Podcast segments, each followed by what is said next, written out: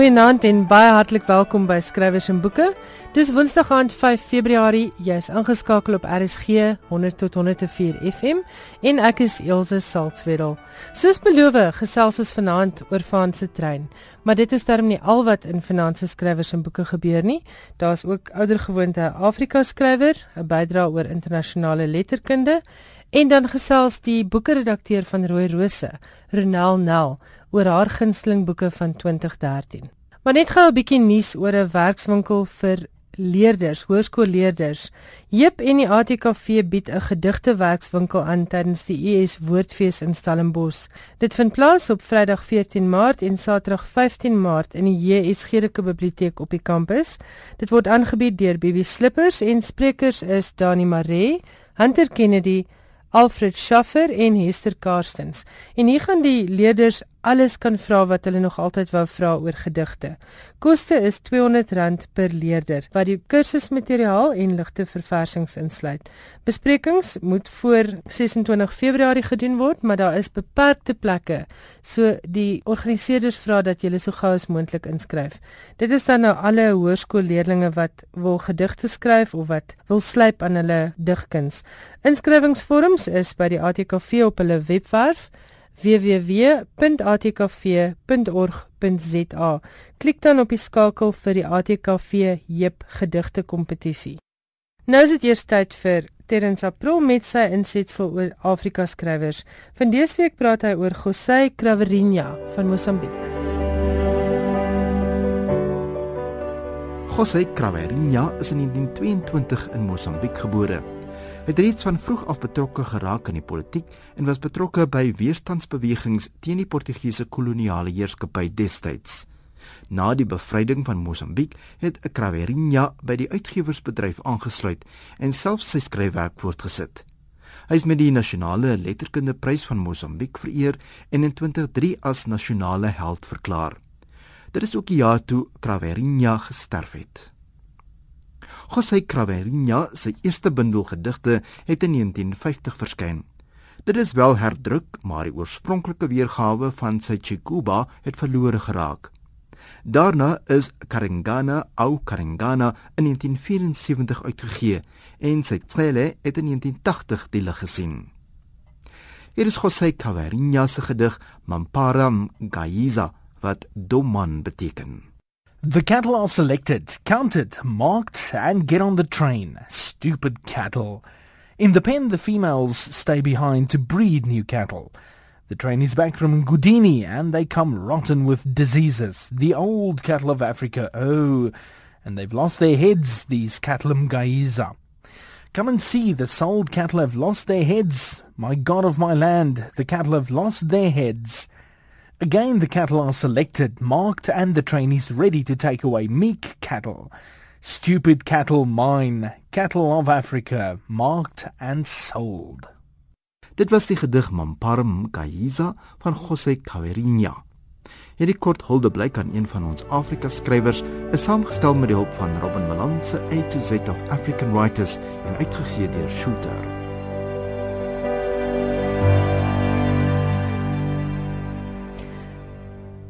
So gesels Terrens April oor die weeklikse Afrika skrywer. Vanaand was dit die beurt van José Craverinha, die Mosambiekse skrywer. Nou die beloofde bespreking oor Van se trein. Maar net eers ietsie oor Pieter Fourie. Pieter Fourie is in die Vrystaat gebore op die klein dorpie Philippolis. Interessant genoeg het Pieter byna nie 'n skrywer geword nie, maar meer daaroor in die onderhoud. Pieter het natuurlik gesorg vir groot toneelstukke. Ek dink aan Van se trein en Van se stasie, maar ook aan Die Koggelaar, Die Groot Wit Roos, Ek Anna van Wyk en Mooi Maria om maar net enkeles te noem. Dan was daar ook 'n hele paar baie snaakse klugte uit sy pen, soos Die Proponentjie. En in 2003 is hy vir sy hele oeuvre bekroon met die Hertzogprys. Nou van se trein het op die oomblik resensente en gewone kykers ewig gaande. Eerstens baie geluk met hierdie draaiboek waaraan jy ook 'n groot deel gehad het.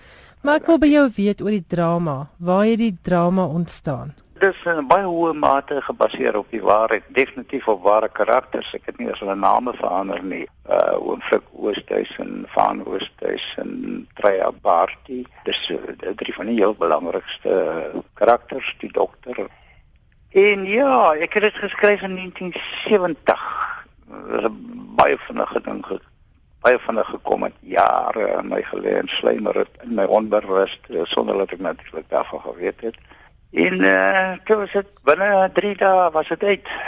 21 ure op 'n dag gewerk, geskryf, onophoudelik, 3 ure geslaap. En uh, dis een van daai goed, dit, dit gebeur selde. Ek is 'n ou wat gereeld vinnig skryf vir 2 weke aan 'n stuk of so, maar 3 dae is, is iets anders. So ek het 'n vermoede die ding het gereed gelê in die onderbewuste sonder dat jy daarvan geweet het en dit het net na vore geskuif. Nou vertel vir ons van die karakters. Is dit op jou grootword dorp gewees of waar het jy hulle raak geloop? Ja, ja, dis op Bloekhof. Jy weet dit is 'n uh, klein dorpie. Ek het daar gekom toe ek 7 jaar oud was en ek het onmiddellik toe vervang leer ken. En ek het vervang geken van 47 af tot 1965 toe hy oorlede is. So ek het hom vir 18 jaar geken, baie goed geken. Want nadat ek weg is die, die Suidwes-Vrystaat uit, het ek nog elke keer wanneer ek op universiteit was en later toe ek gewerk het, as ek op Bloekhof gekom het en het ek vir hom gaan kuier en het ons gesels en ek dink daar het onbewustelike verhouding tussen ons ontstaan van belangstelling. Ek wat hom as 'n normale mens aanvaar het en uh, hy wat my as net nog 'n kind aanvaar het. Ja, dit was dit was nog 'n ervaring. Ek het op my voorreg gehad om 8 maande voor sy dood om nog te besoek in Gramstad. En die stuk praat ons van uh, hy is weggestuur na die inrigting Malhuis en daai woorde van daai tyd in Pretoria, maar hy is eintlik uh, Gramstad toe. Daar is hy oorlede in 1965 in 'n uh, instituut wat genoem is die Fort England Instituut.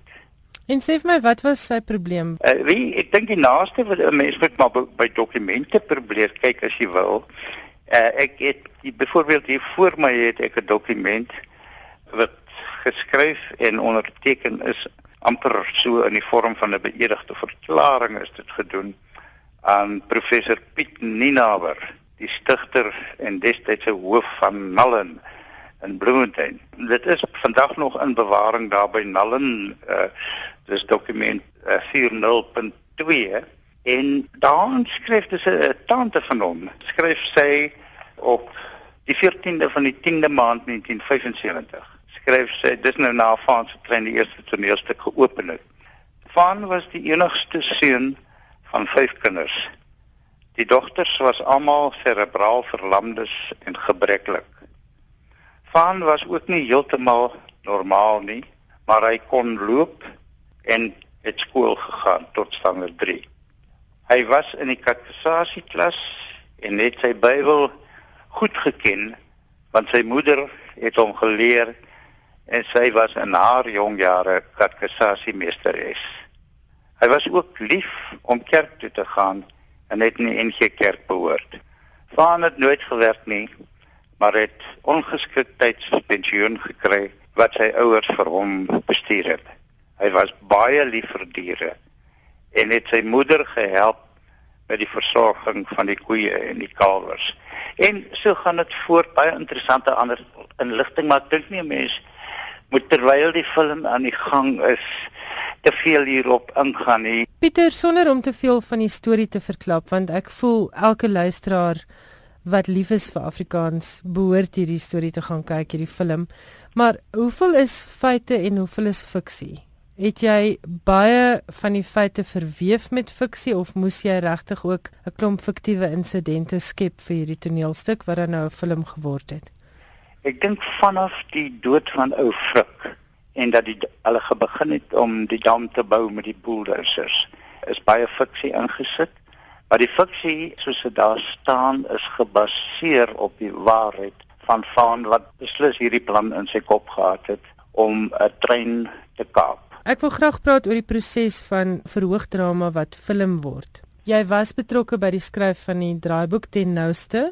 Hoe verskil draaiboek van verhoogdrama? Hoe verskil die proses en waarvoor moet jy as skrywer van 'n draaiboek op jou hoede wees? Jy moet uh, eers in plek baie sterk op, op jou hoede wees om nie dramaturg te wees. Die groot verskil is die verhoog werk met die mag van die woord en die film werk met die betowering van die prentjie. So jy met die mag van die woord verruil. Uh, dit beteken nie minimaal 'n dialoog hê en dit wat jy nie kan mis uit die dialoog wat jy dan sny nie, moet jy vervang met prentjies, met prentjies dieselfde storie vertel. Dit is 'n heel ingewikkelde proses en dit was nog 'n ervaring om op 74 nou uh, met debuut te maak as as 'n uh, eh, draaiboekskrywer, maar uh, natuurlik het ek dit nie alleen geskryf nie. Ek kyk, ek het die stuk in 19 uh 70 geskryf en in 1991 het ek 'n draaiboek van die stuk geskryf. En daardie draaiboek is gebruik as basis waarvan die huidige draaiboek ontwikkel het. En daarin het Koos Roots 'n baie groot rol ook gespeel. Daar's 'n baie interessante ding omtrent die geskiedenis van Franse trein as 'n moontlike film tot en met nou dat dit 'n film is, jy weet, dis baie ironies, maar daar was twee geleenthede gewees wat uh van se trein uh feitelik verlore sou wees vir die Afrikaanse taal en vir die Afrikaanse kyker. En die eerste was in 1976. Dit is net na die opvoering van Franse Stasie, die bekende filmmaker van destyds Ashley Lazarus na my gekom om 'n opsie te kry op die twee stukke maar veral op Franse Stasie vir Warner Brothers in Hollywood. Dit is nou baie interessant hoekom hulle eintlik in, in Franse Stasie belang gestel het of in Vaandam. Ek kyk dit is dieselfde jaar wat daar 'n film verskyn het in Hollywood wat wêreldwyd groot opslag gemaak het en en die mense het gestroom daarna 'n film met die naam van One Flew Over the Cuckoo's Nest. Ja, met Jack Nicholson. Dit is korrek.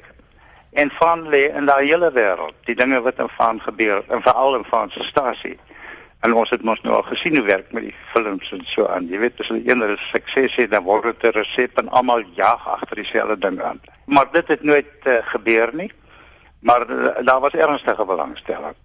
En dan so 8 jaar gelede het Koos in Australië was dit op die nippertjie of van is in Engels vervaardig in Australië onder die titel The Passion of Luke Riley. Ons is bly dit het vir Afrikaans behoue gebly. Maar ek verneem daar's 'n klein stukkie geskiedenis. Jy het vir Koos Roots hierdie draaiboek as 'n trougeskenk gegee of die drama dan as 'n trougeskenk gegee? Ja, ja, mes maar die trougeskenk nou kwalifiseer. uh, dit was op sy sterkparty, sy rampartytjie wat 'n mens in 1927 die aand voor sy huwelik met eh uh, Katinka Heinz en was daar in die eh uh, vlakte plaas distrik. Buite die rust en nou, ons was daar gewees toe ek pas die stuk klaar geskryf het ek die hand geskrewe teks vir Koos gegee en vir sy jong Koos ek het nou nie geld of jou grant trou geskenk te koop nie maar vat hierdie ding lees hom uh, dan kan jy 'n movie daarvan maak en lekker geld maak en dit sal jou trou geskenk wees. En uh, ja deur die jare was dit vir hom 'n absolute passie of uh, ek dink dit later aan verander in 'n in 'n obsessie om wel die film te maak. En ek is vir hom baie baie bly uh, dat dit wel gebeur het. En dan natuurlik vir Helena Spring. As dit nie was vir iemand soos Helena Spring nie uh, wat die geloof gehad het om daai onsaglike klomp kapitaal en dit is nie 'n goedkoop film nie in hierdie film in te sit en die geld daarvoor te vind, uh, dan is hierdie ding in Australië of elders in die wêreld gemaak. Uh, dis verseker want Koos sou hom maak.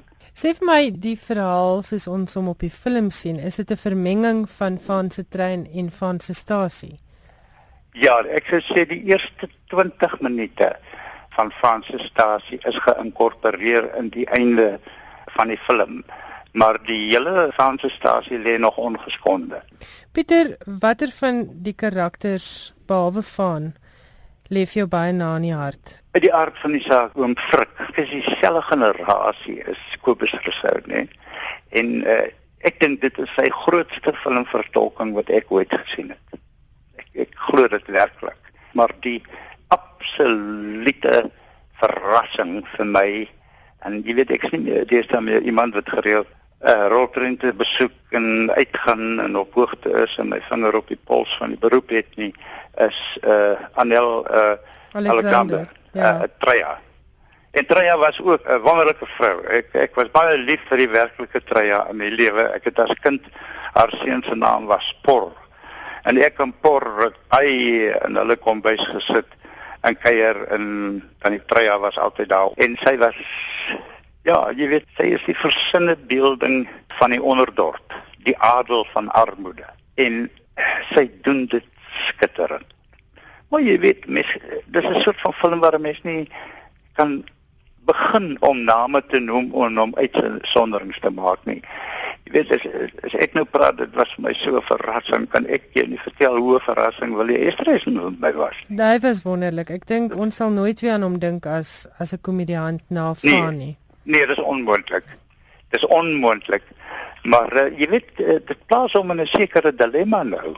Jy weet hy het nou 'n sekere beeld hiermee finaal uitgewis. Ja. Maar uh, wat is daar nou beskikbaar vir hom vorentoe om te bou op dit wat hy nou bereik het? Kan ons vinnig praat oor jou skryfloopbaan want jy het ook so half per ongeluk 'n skrywer geword. Ek dink jy was as ek reg onthou was jy bestem volgens die gebruik van daai tyd om 'n poskantoorwerker te wees. Wil jy nie ja. net gou vir my vertel of vir die luisteraars daai stukkie geskiedenis vertel nie? Ja, ek het baie vroeg uit die skool uit. Ek was 15 toe ek uit die skool uit en ek het uh, in die poskantoor gewerk en na 3 jaar is ek uh, terug skool toe. Ek het my matriek voltooi op 21 en uh tussen die universiteit van Stellenbosch toe en so so het die dinge ontwikkel. maar het jy geweet jy wil skryf? Was dit altyd iets in jou agterkop? Daar was 'n element daarvan. Destyds toe ek in die poskantoor op Koffiefontein was, het ek uh ek het bevriend geraak met Etienne Leroux daarso van sewe daar by die Silverstone en ek het vir hom van my eerste ou gediggetjies en goedjies gewys en uh het werklik vir my aangepoor om terug te gaan skool toe en om verder te gaan studeer want hy dink daar is dalk ietsie wat kan ontwikkel en, en daarvoor sal ek hom ewig dankbaar bly. En het jy toe letterkunde of drama studeer? Ek letterkunde en drama studeer die eerste 2 jaar en daarna syfer oorgegaan na letterkunde. Ek was onder andere in daai heel eerste uh ek dink hulle het dit genoem die letterkundige laboratorium van DJ Opperman. En toe het ek dan daai ekstra kursus gehad. Was was net so eentjie vol altyd wel aan was. Ja so het ek my hier na die kunste se kant toe beweeg. En van jou tydgenote was mense soos Jan Rabie Eyskriege ja, Etienne ja hulle uh, hulle was tydgenote in die sin dat ek het hulle goed geken want hulle was natuurlik baie ouer as ek gewees maar ons het baie goeie vriendskappe ek en Eys en ek en Jan Marjorie uh heel wat van die ander maar hoofsaaklik daai twee. Jan het 'n ongelooflike invloed gehad op my uh, as persoon en veral my beskouinge rondom die Afrikaner en Afrikaans. Ek dink as 'n mens dit net uit daai hoek uitneem, uh, dan beskou ek hom seker as die grootste rolmodel van Afrikanerskap wat daar kan wees. Kom ons praat oor Afrikanerskap. Ek hoor die kritiek nou min met Van se trein, maar ek het hier en daar opgetel daar's nou alweer 'n groep mense wat voel die Afrikaner word as eenvoudig uitgebeeld deur Van. Hoe voel jy oor kritiek op jou uitbeelding van Van as dan 'n argetipe Afrikaner? Nee, wat daaraan kan ek my werklik nie steur nie. So gesels die dramaturg Pieter Fourie, die skrywer van Van se trein.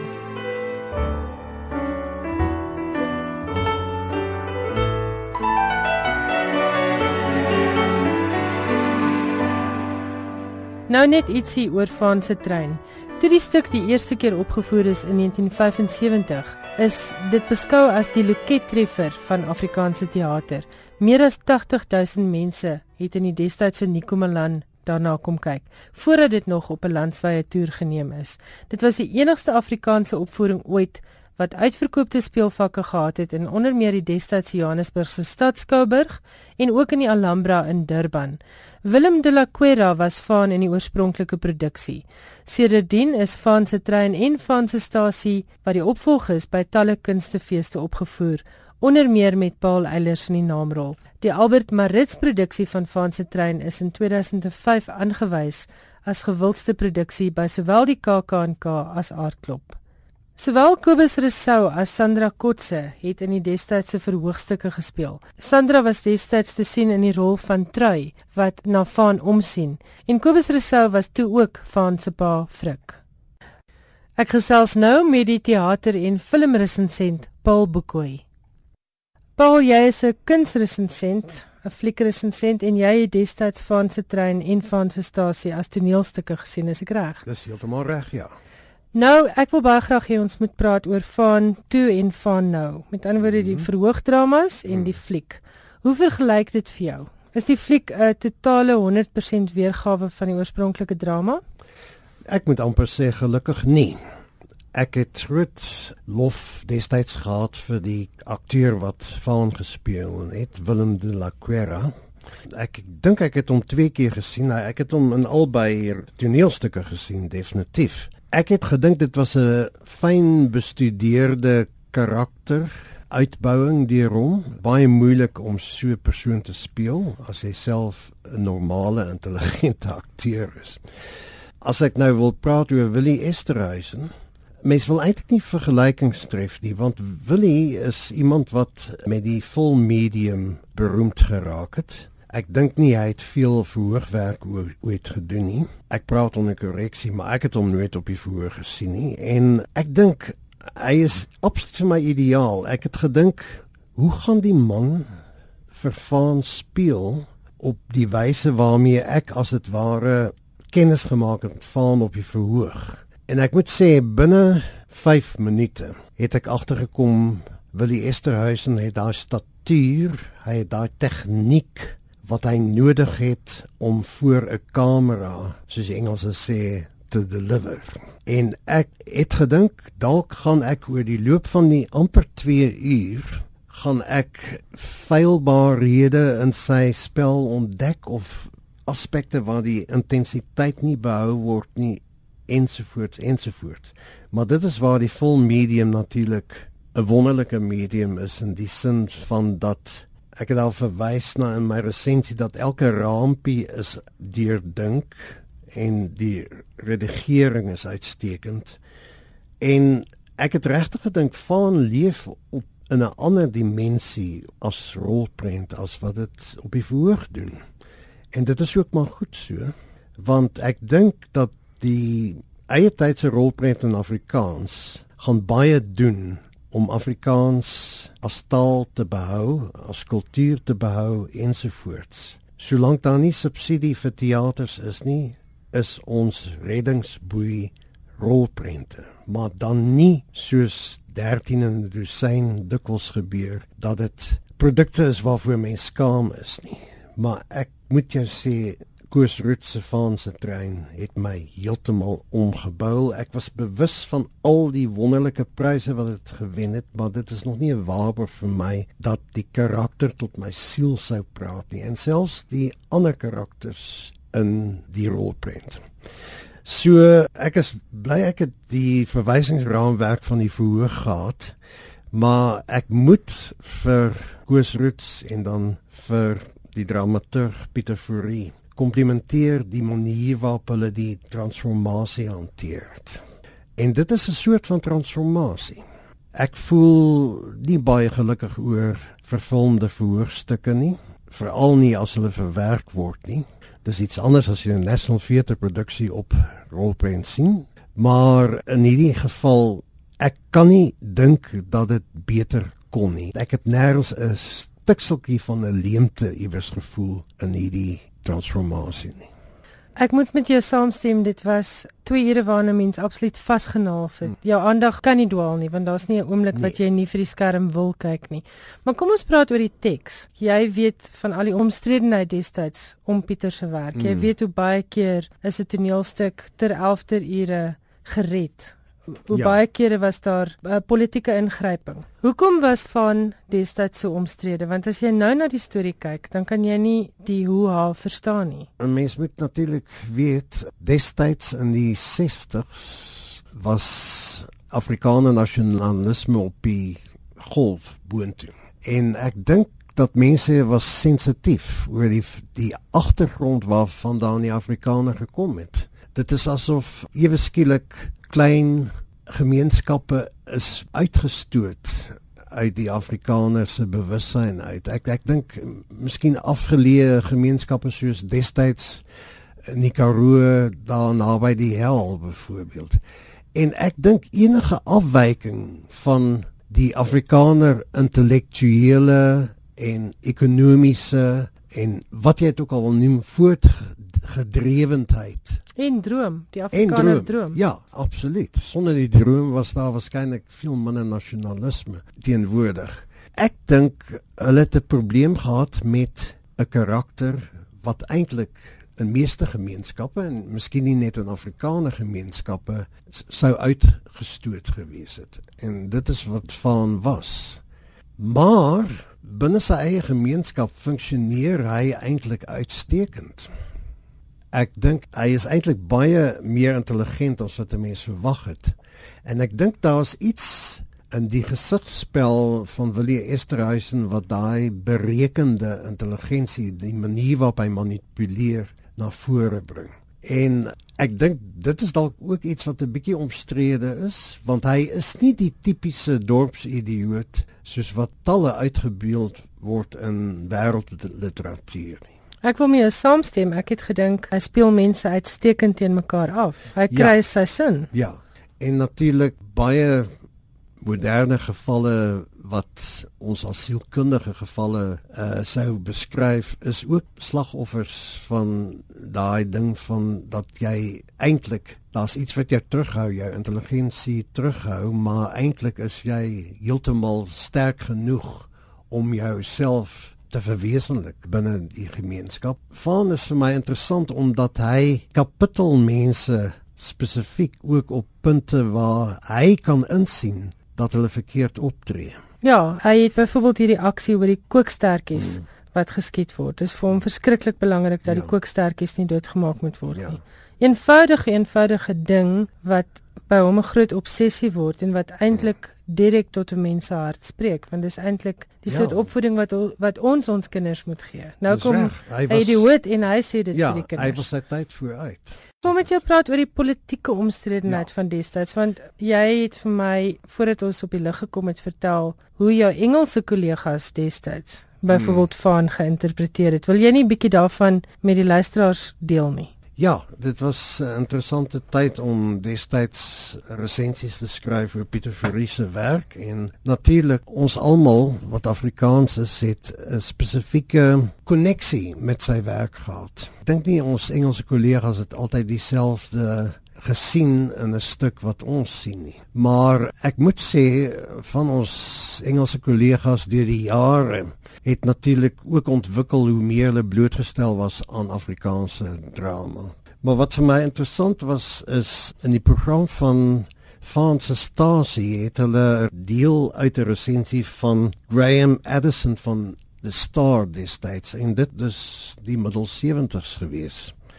Hy het geskryf van is firmly tied to the symbols of the Afrikaans past. 'n baie oordrewe stelling want hy is nie simbool van almal se Afrikaanse verlede nie. Dan skryf hy He is a grown-up child and a very dangerous one. When he goes, it is with a fitting ambition to drive a train, symbol of progress and change. But we know that he will be straight-jacketed and driven truly crazy by the modern aseptic world of psychiatry, from which he will never escape. Dit laat my nou dink aan Annelie Botha se woorde dat sy baie keer verstom is om Hmm. te sien wat het sy geskryf want sy skryf A en resensent interpreteer B. En Ja. hierdie klink vir my nou so iets. Ja, as 'n mens nou verder lees in sy resensie, dan maak hy 'n verbindingslyn tussen Van se karakter trekke en die opkoms van die regse Afrikaner.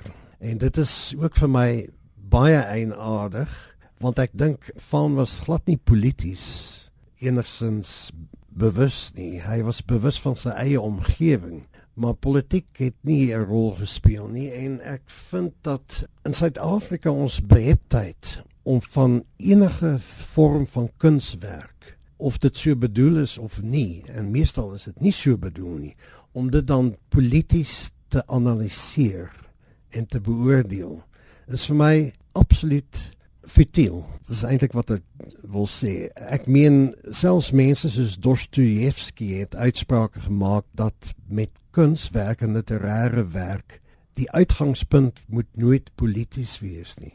'n Mens moet veel wyer kyk.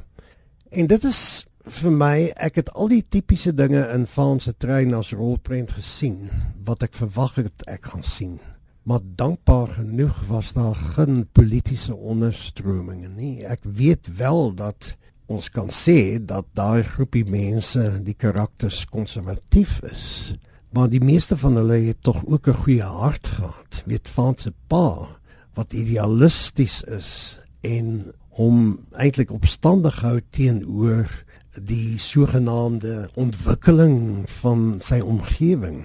Maar dit was nie 'n politieke konservatisme nie, dit nee. was meer 'n lewensuitkyk. Ja, dis dis korrek. En ek bedoel ehm um, ja, die burgemeester is is 'n man met baie twyfels in homself ook. Ek het ook gevoel daar's ook nie 'n politieke knoop aan te hak nie. Dis mense wat net hulle lewens lei onder die omstandighede wat aan hulle gebied is so goed as wat hulle kan met die inligting tot hulle beskikking ja, en die middele tot hulle beskikking. Ja, ja. Ek het nou hier en daar genadiglik baie min, maar hier en daar is daar nog steeds hierdie obsessie deur 'n sekere groep Afrikaanse mense mm. dat ons gaan nie die fliek kyk nie want die Afrikaner word weer as common uitgebeeld. Ek gebruik nou spesifiek die woord common. Mm. Ek het geen agterlikheid hier gesien nie. Ek nee. het ek het iets gesien wat vir my inpas by die era waarin dit afspeel. Mm ek het ook gesien onder die onderliggende sogenaamde agterlikheid dan ek sê dit in aanhalingstekens het ek by 'n karakter soos Trui geweldig baie deernis gesien. Ja. En dit was vir my die die deurlopende tema in die film was die deernis teenoor 'n ou soos Van. Mm. So kan ons 'n bietjie praat oor hierdie kompleks wat ons het oor agterlikheid. Ek dink in die groot wêreld literatuur het een ding kom na vore en dit is dikwels dat armoede is glad nie 'n skande nie. En ek dink hierdie is basies arm mense, maar met idealisme, selfs 'n bietjie aanhaligheid, soos die burgemeester se vrou wat ten opsigte van die erfgoed wat daar te grype is, nie haar gesig gaan wegsteek nie en na vore kom en en sy manipuleer dan verfaan ook in 'n mate. En sy is nie eers die agterlike karakter nie. Glad sy is die meer gesofistikeerde ja, karakter, ja, ja. né? So van se trein gaan oor 'n geïsoleerde groepie Afrikaners, maar hy verbind hom glad nie tot die groter groep van Afrikaners nie. En eintlik is hy vir my 'n universele ja, storie. Ja. Hy kon in 'n hy kon in 'n Italiaanse dorpie ook ja, afgespeel het. Ja. En ek bedoel, mense moenie misken dat sulke mense bestaan nie. En die feit dat sulke mense wel bestaan, beteken nie dat jy dit op die hele Afrikaner volk as geheel hoef te projekteer nie. Ek bedoel dit is 'n minimale klein persentasie. En ek dink ook sien dit binne die tydskonteks. Hierdie is 'n stuk wat in die 60s afspeel. Ons het 'n arm blanke probleem gehad al van die 1930s af. Maar was dit 'n skande? dit is die allerhande buitefaktore veroorsaak. Maar dit is nie dat dit deur gesypel het na die moderne Afrikaner wat dit totaal ander mense is wat leiersfigure na vore gebring het wat ons nie kan glo moontlik was binne daai beperkte visie van destyds nie. Soos tyd dat ons hierdie hang-up sê ons sê regtig moet afskud. Kan ons praat oor Pieter se werk? Hy het die Hertzogprys gewen vir ja. sy oeuvre. Ja. Watter van sy werk is jou gunsteling? Is dit van se trein? Nee, nie spesifiek nie. Al wat ek kan sê is ek het twee groot helde in die Afrikaanse drama skryfkuns. Daar's meer, maar die hierdie twee staan vir my uit en die een wat nog leef is Pieter en dan Bartus Smit is die ander een. En ek dink die Afrikaanse rolprentindustrie soos wat hy tans groei en wat vir my baie interessant is te loops is dat ons Afrikaners het 'n mentaliteit ontwikkel wat my opgewonde maak en dit is dat hulle bywoning van swak flieks is minimaal. Daai flieks maak geen loket inkomste nie. Terwyl die bestes wat die afgelope paar jaar uitgereik is, doen baie goed by die loket en sal ons bedryf laat groei. En laat ek vir jou sê, mense voel amper lus om terug te gaan na veel meer Afrikaanse dramas wat oor die dekades geskryf is en te gaan kyk watter van hierdie dramas kan 'n mens aanpas in ons moderne tyd? En dat die aanpassing kan werk as rolprente wat 'n universele soos jy genoem het verhaal vertel. Want dit is iets wat Pieter Fourie se stukke altyd doen en ek dink Bartus Smit ook. Sy stukke is nie tot die afrikaner grein beperk nie. Dit sprei baie wyer ek stem met jou saam. Ek ek dink ons moet kyk na hoe ons Afrikaanse literatuur maar ook veral die drama kuns in die rolprent kan ontwikkel. Laaste vraag. Hoe dink jy kan van se trein vaar by die Oscars? Daar is mos 'n kategorie vir buitelandse films. Ja, laat ek uh, sê die probleem met die Oscars is dat uh, ons was destyds gelukkig met Ehm uh, Tsotsi. Tsotsi. Die rede hoekom ons gelukkig was is dat ons die land is net kort tevore bevry en die hele wêreld het gewag op die Suid-Afrikaanse fliek wat iets van ons lewenswyse, iets van hierdie gemeenskap waarin ons leef vertel het. Franse trein is 'n gelykstaande kwaliteitsproduk as wat Tsotsi was. Die enigste ding is ek dink daar is al te veel rolprente in die Amerikaanse rolprent geskiedenis gemaak wat hierdie tema van van na vore bring. Jy weet geïsoleerde gemeenskappe allerlei dinge wat die gemeenskap uh, ja, underdog uitbuiter. Ja, ja. Mm. Uh maatskaplike probleme wat daar na vore kom. Ek dink die kans is dan minder. Ek dink die Oscar aanvaar 5 vreemdtalige rolprente jaarliks wat genomineer is en wat dan gekeur is vir die Oscars. En elkeen van hulle wat wen, sê iets spesiaals van die land wat hom vervaardig het. En ek dink Van sal dit dalk nie maak nie. Ek ek moet eerlik wees, maar ek ek weet min of meer hoe die koppe werk van Hollywood se uh, beoordelingspanele. Maar ons is dit eens hierdie is 'n film ja. wat op die internasionale ja. mark kan meeding. Ja. Jy weet waarskynlik as hy 20 jaar gelede gemaak sou wees, sou hy sterker kans hê as nou. Dit was dan Paul Bokoye baie ervare film en teaterresensent. Paul baie dankie vir jou tyd. Plesier. Jy luister na skrywers en boeke. Ek is Elsje Saltzwedel en jy's ingeskakel op RSG 100 tot 104 FM. Johan, jy het nuus oor die prys wat voorheen bekend gestaan het as die Whitbread prys. Dis deesdae die Costa prys en die nuus is dat 'n 33-jarige Britse verpleër van Bristol, ene Nathan Filer, met sy debuut The Shock of the Fall Costa se boek van die jaarprys weggeraap het voor die neus van die gunsteling Kate Atkinson. Benewens die sowat 540 000 rand wat Valer in die sak steek, is dit die prestige van die prys wat 'n aansienlike hupstoot is vir enige jong skrywer se literêre loopbaan. Die boek handel oor die 19-jarige Matthew wat 'n ooggetuie is van sy broer Simon se dood by 'n vakansieoord in Dorset en na die trauma later in 'n inrigting opgeneem word. Temas wat in die boek na vore kom is noodwendig verlies, rou en aspekte van geestesiekte. Rose Tremain, skrywer en voorsitter van die beoordelaarspaneel het gesê Filer se roman is verstommend selfversekerd vir 'n eerste. Dis die eerste debuut om die boek van die jaarprys te wen sedert Steph Penny dit in 2006 reggekry het met The Tenderness of Wolves. Oor sy sege het Filer gesê natuurlik kom daar druk saam met die prys, maar ek gaan nie terugsit en kla oor die wonderlike ding wat met my gebeur het nie. Ek is reeds besig met projekte waarvan ek besonderhede nie nou wil verklap nie. Hy het aan The Independent gesê hy 3 jaar aan die boek geskryf. Dit gaan sê hy oor rousmart wat ons almal ken, meer as oor skizofrenie. Atkinson se Life After Life het verlede week die letterkundeprys in vanjaar se Britse Southbank Sky Arts toekenninge gekry. Soos jy sê, die Costa-pryse, voorheen bekend as die Whitbread-prys, is oop vir Britse en Ierse skrywers van alle genres. Wenners in 5 kategorieë word aangewys en uit die 5 word dan 'n algehele wenner aangewys. Nou die kategorieën van jaar se kompetisie was vir debute.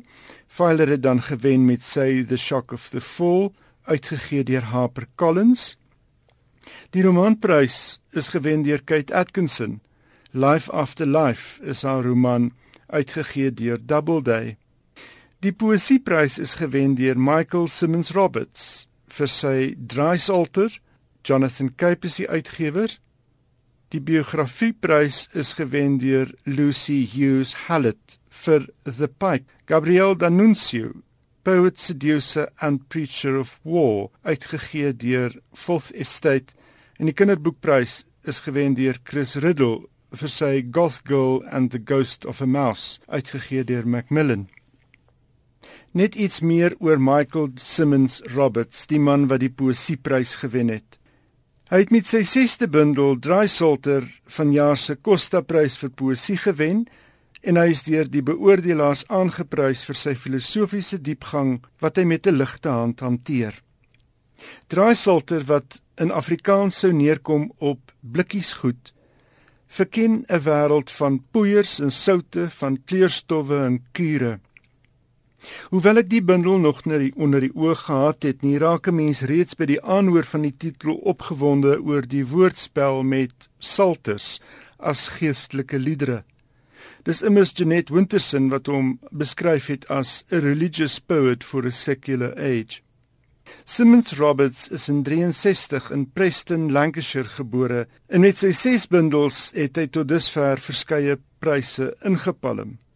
Afgesien van die jongste Costa Prys ook die Forward Prys en ook die Whitbread. Hy is benoem vir die T.S. Eliot Prys sowel as vir die Ondaantjie Prys. Benewens poësie en twee romans het Simmons Roberts libretti geskryf vir heelwat van die Skotse komponis James Macmillan se operas waaronder The Sacrifice in 2007 en Clemency in 2011. Simmons Roberts is professor in digkuns aan die Metropolitaanse Universiteit van Manchester. En dan is daar 'n klein brokkie oor ehm um, Sappho, die antieke digter. 'n Papirusfragment wat aan 'n Oxford-kenner gegee is, bevat twee voorheen onbekende gedigte van die Griekse digter Sappho. Volgens Dr Dirk Obbink, 'n papiroloog, kom die verse kenlik uit Sappho se eerste boek, een van 9 wat sy vermoedelik geskryf het, so sê die BBC. Slegs een vers van die digter wat gebore is tussen 630 en 612 voor Christus het volledig behoue gebly. Fragmente van ander verse bestaan daar wel. Sappho is indertyd al deur die Aleksandrynse skool gereken as een van die nege liriese digters van die antieke tyd. Hoewel die woord lesbies aan haar toegeskryf word, sy is gebore op die eiland Lesbos, het die term eers in die 19de eeu 'n homoerotiese betekenis gekry. Haar verse beskryf hartstog en liefde vir verskeie mense, mans en vroue. Obink sê die fragment is aan hom geskenk deur 'n anonieme eienaar in Londen. Dit was dan Jan Meiburg met sy gereelde bydrae oor die internasionale letterkunde. Skrywers en boeke is 'n Afrikaanse program, maar dit beteken nie daar's nie ook wonderlike internasionale letterkunde om te lees nie.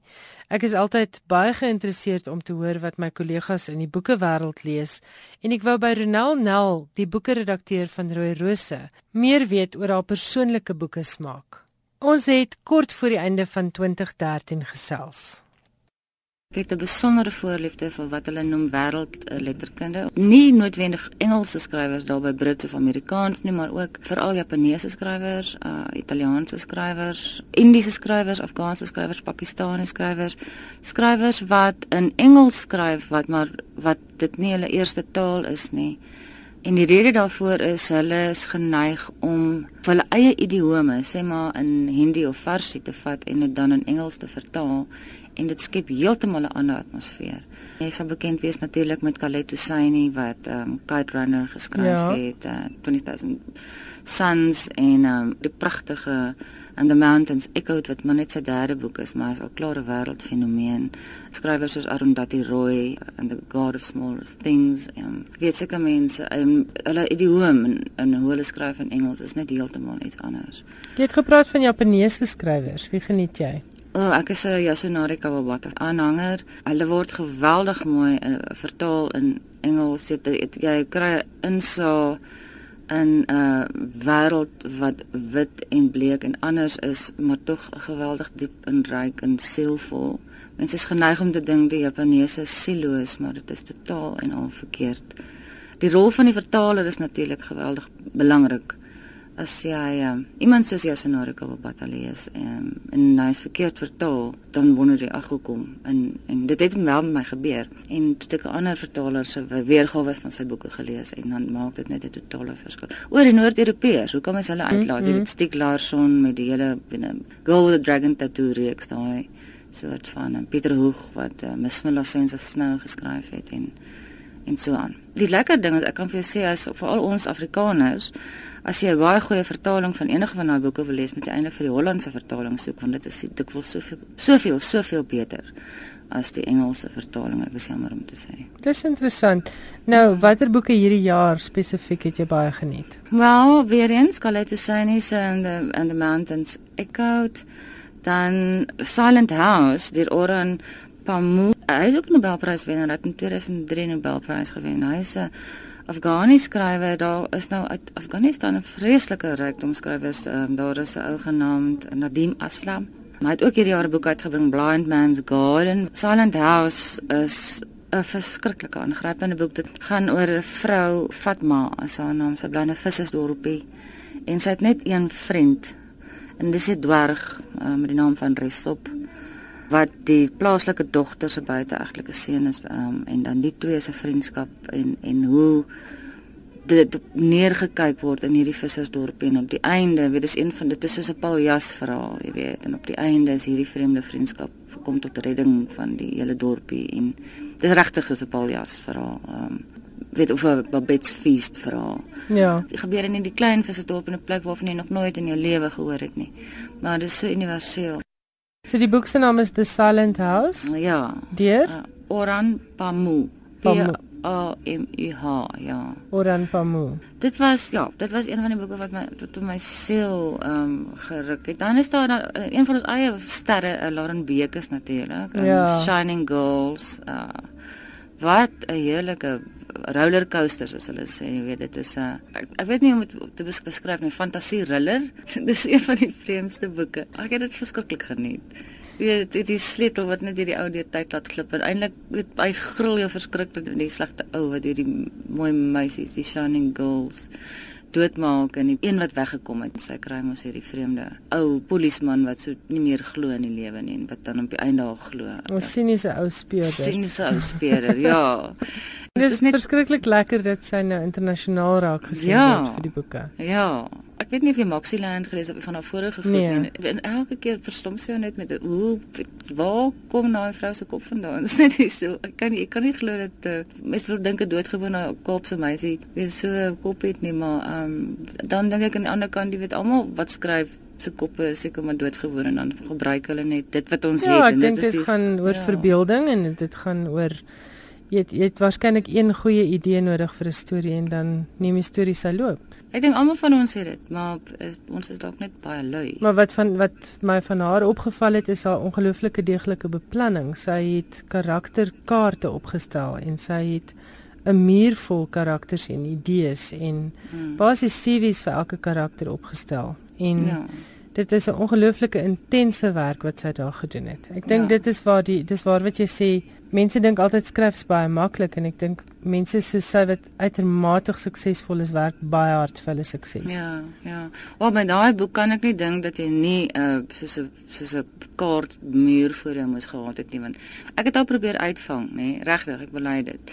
Soos 'n iewers go moes jy 'n fout gemaak het, weet ek, soos dan seker iewers is daar 'n terugsprong en het 1 jaar miskien 'n detail gemis en ek kon nie. En ek kon nie. Nee. ek het gedink miskien is dit iewers miskien 1 Januarie 1901 gemis of so ietsie. Dit was Ronel Nel, die boekeredakteur van Rooi Rose. Ronel het gepraat oor haar gunsteling boeke van 2013.